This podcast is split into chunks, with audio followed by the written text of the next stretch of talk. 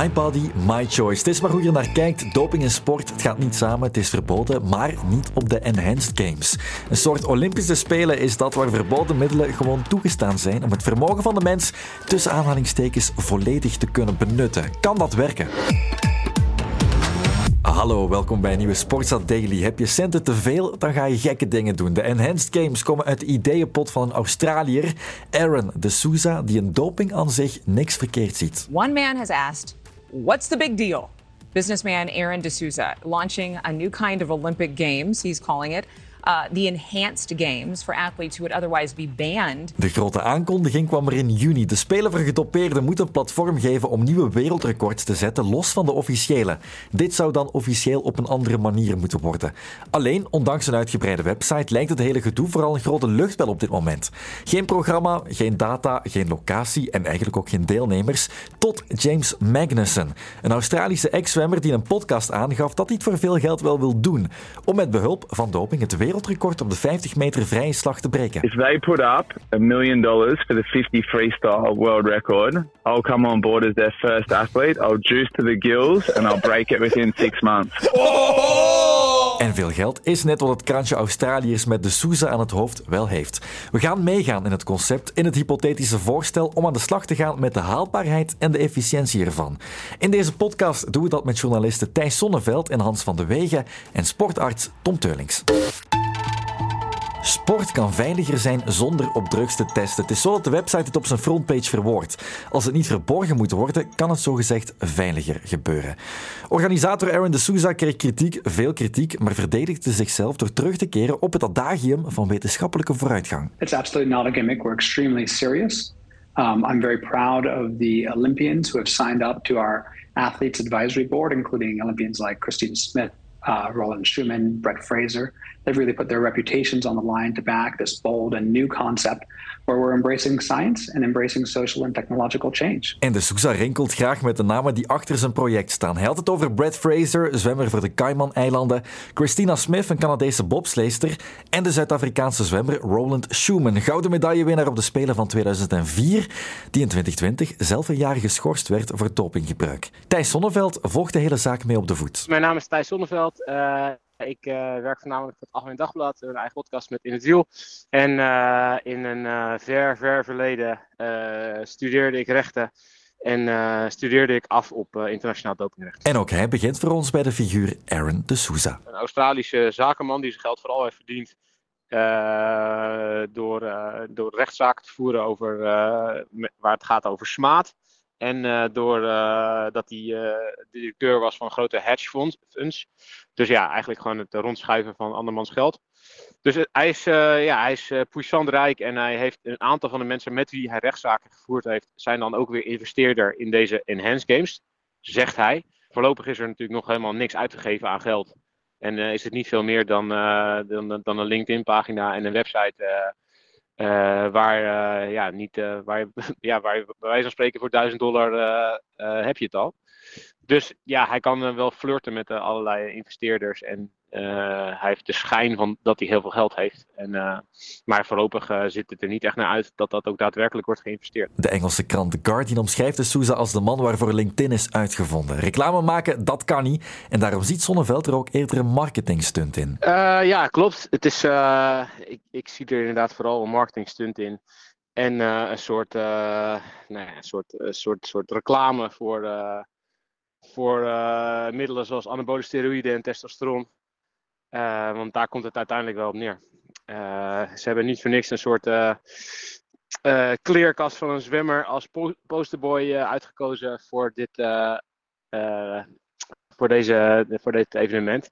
James Magnussen is gestopte zwemmer uit Australië die moet dan in zijn, zo'n klein speedootje op het startblok staan. En die gaan ze helemaal oppompen met alle mogelijke middelen.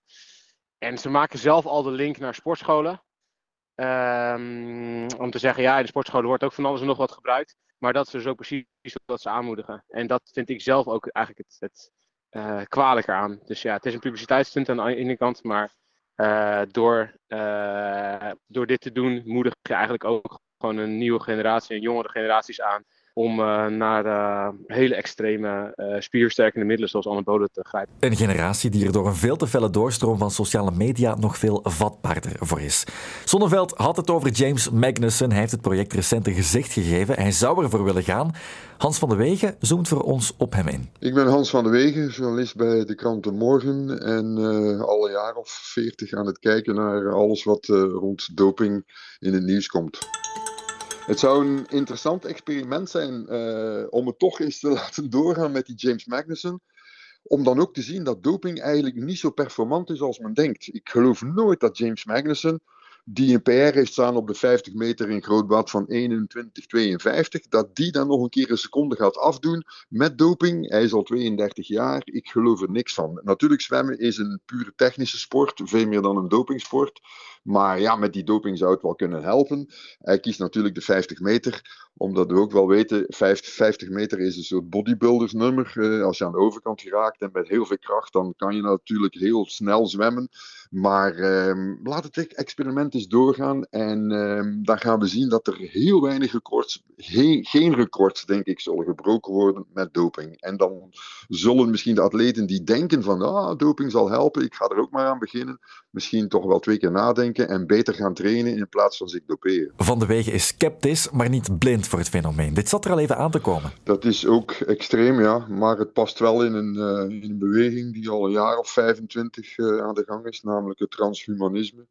Waarbij men de verbeterde mens uh, absoluut ongeremd zijn ding wil laten doen. En ja, in de sport is dat ook al een jaar of twintig wat ik hoor, dat mensen daarvoor pleiten om doping zomaar toe te laten. En het is zo dat mensen verbeterd kunnen worden en daar hameren deze Enhanced Games ook op. Ze zien zichzelf als de redders van de wetenschappelijke vooruitgang tegen de anti-wetenschap. Dat is, het grote, dat is de grote stelling van transhumanisten en van de extreme, uh, de extreme stelling die zegt van ja, de, de, de maakbaarheid van de mens kan eigenlijk veel verder gaan tot, dan tot waar we nu zijn gegaan.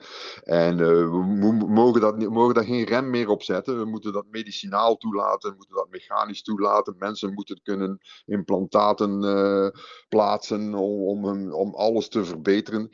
Er is natuurlijk wel een punt, uh, ze hebben wel een punt in die zin dat er op, op, op afzienbare tijd, over afzienbare tijd, sorry, er een, een, een, ja, een genetische manipulatie zit aan te komen van ongeveer alles wat onze genen doen, ook de uithouding.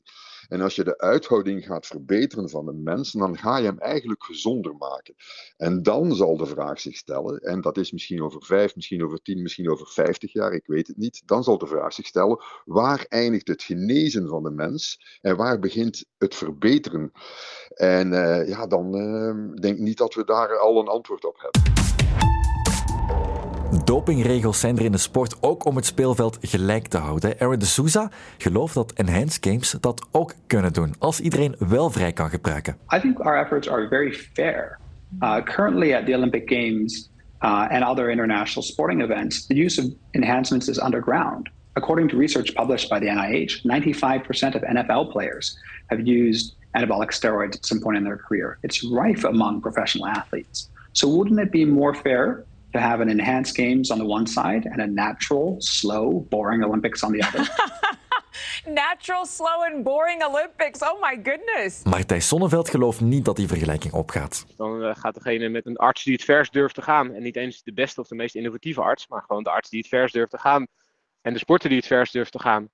En die het dichtste randje van zijn, uh, van zijn of naar de dood durft toe te spuiten of te slikken volgens mij is dat helemaal, daar is niet zoveel innovatiefs aan. Volgens mij, kijk, als je nu naar sport kijkt en als je ziet wat voor innovaties er in alle sporten plaatsvinden binnen de kaders, uh, uh, geeft volgens mij juist een enorme boost aan allerlei wetenschappen. Uh, dus ik, ja, ik zie dat argument helemaal niet eigenlijk. Volgens mij ga je dan juist terug naar uh, middelen die in de jaren 80 werden gebruikt, zoals anabolen. En ja, er staan nog steeds allerlei atletiek records uit die tijd. En dat is niet voor niks, omdat dat een middel is wat enorm spierversterkend werkt. Maar ook waar je enorm veel uh, uh, bijwerkingen van krijgt. Uh, zoals hartaandoeningen, leveraandoeningen. Er zijn, nou ja, je, je, kan terug naar de DDR-tijd waar er letterlijk vrouwen uiteindelijk maar hebben besloten om man te worden. Omdat ze zoveel mannelijke eigenschappen kregen door allerlei anabolen te gebruiken. Dus volgens mij eh, is daar helemaal niks innovatiefs aan om terug te gaan naar de jaren 80 en die middelen te gaan gebruiken. Integendeel. Voor Zonneveld is het achteruitgang. Laten we dan ook eens op doktersbezoek gaan. Ja, ik ben Tom Teulings, uh, sportarts en voorzitter van de Vereniging van Sport- en Keuringsartsen. Teulings kan er zelf ook niet aan uit, gaat hij ons vertellen, en begint bij de regelgeving van het Wereld Antidopingagentschap. Uh, je moet weten, er is een zeer strikte WADA-code en de meeste NADO's, dat zijn eigenlijk de nationale antidopingfederaties, die zijn eigenlijk al gealigneerd met deze code. En die code is recent toch zeer zwart-wit geworden. Hè. Vroeger was er toch wat een grijze zone, maar nu is die zeer zwart-wit. En uh, is een code dat iedereen ook achter staat en die ook ervoor zorgt dat sport op een gezonde, eerlijke manier kan gebeuren. En uh, ik denk dat dat al een heel goede regelgeving is.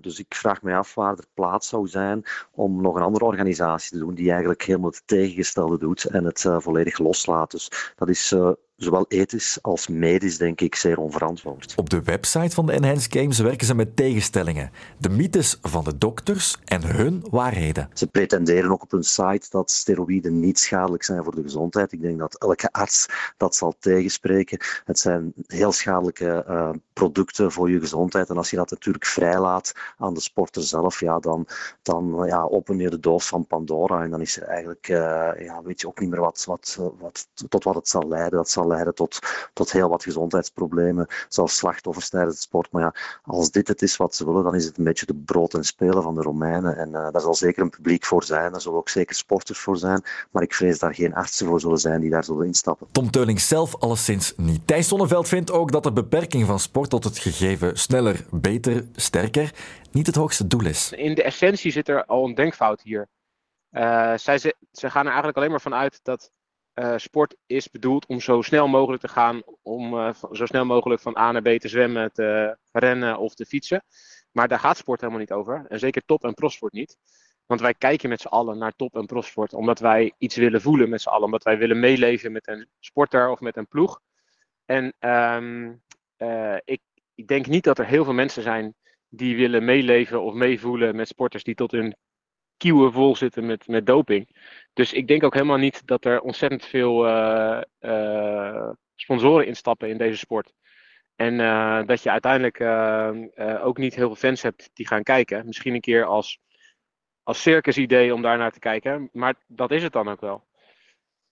volgens mij gaat top- en prosport over het inspireren en enthousiasmeren van mensen. En mensen aan je binden. En dat doe je nu helemaal niet. En bovendien heb je ook nog een probleem. Waar ligt dan de grens? Tussen, ja, als het alles sneller, als het alleen maar gaat om sneller, is, dan, is het dan ook een idee om aan genetische doping te beginnen of aan mensen bionische benen te geven of uh, een biatleet een laser in zijn oog te geven? Dat is ook sneller en beter. Dus ja, op een gegeven moment ga je volgens mij gewoon naar een soort van gerobotiseerde sport zitten kijken.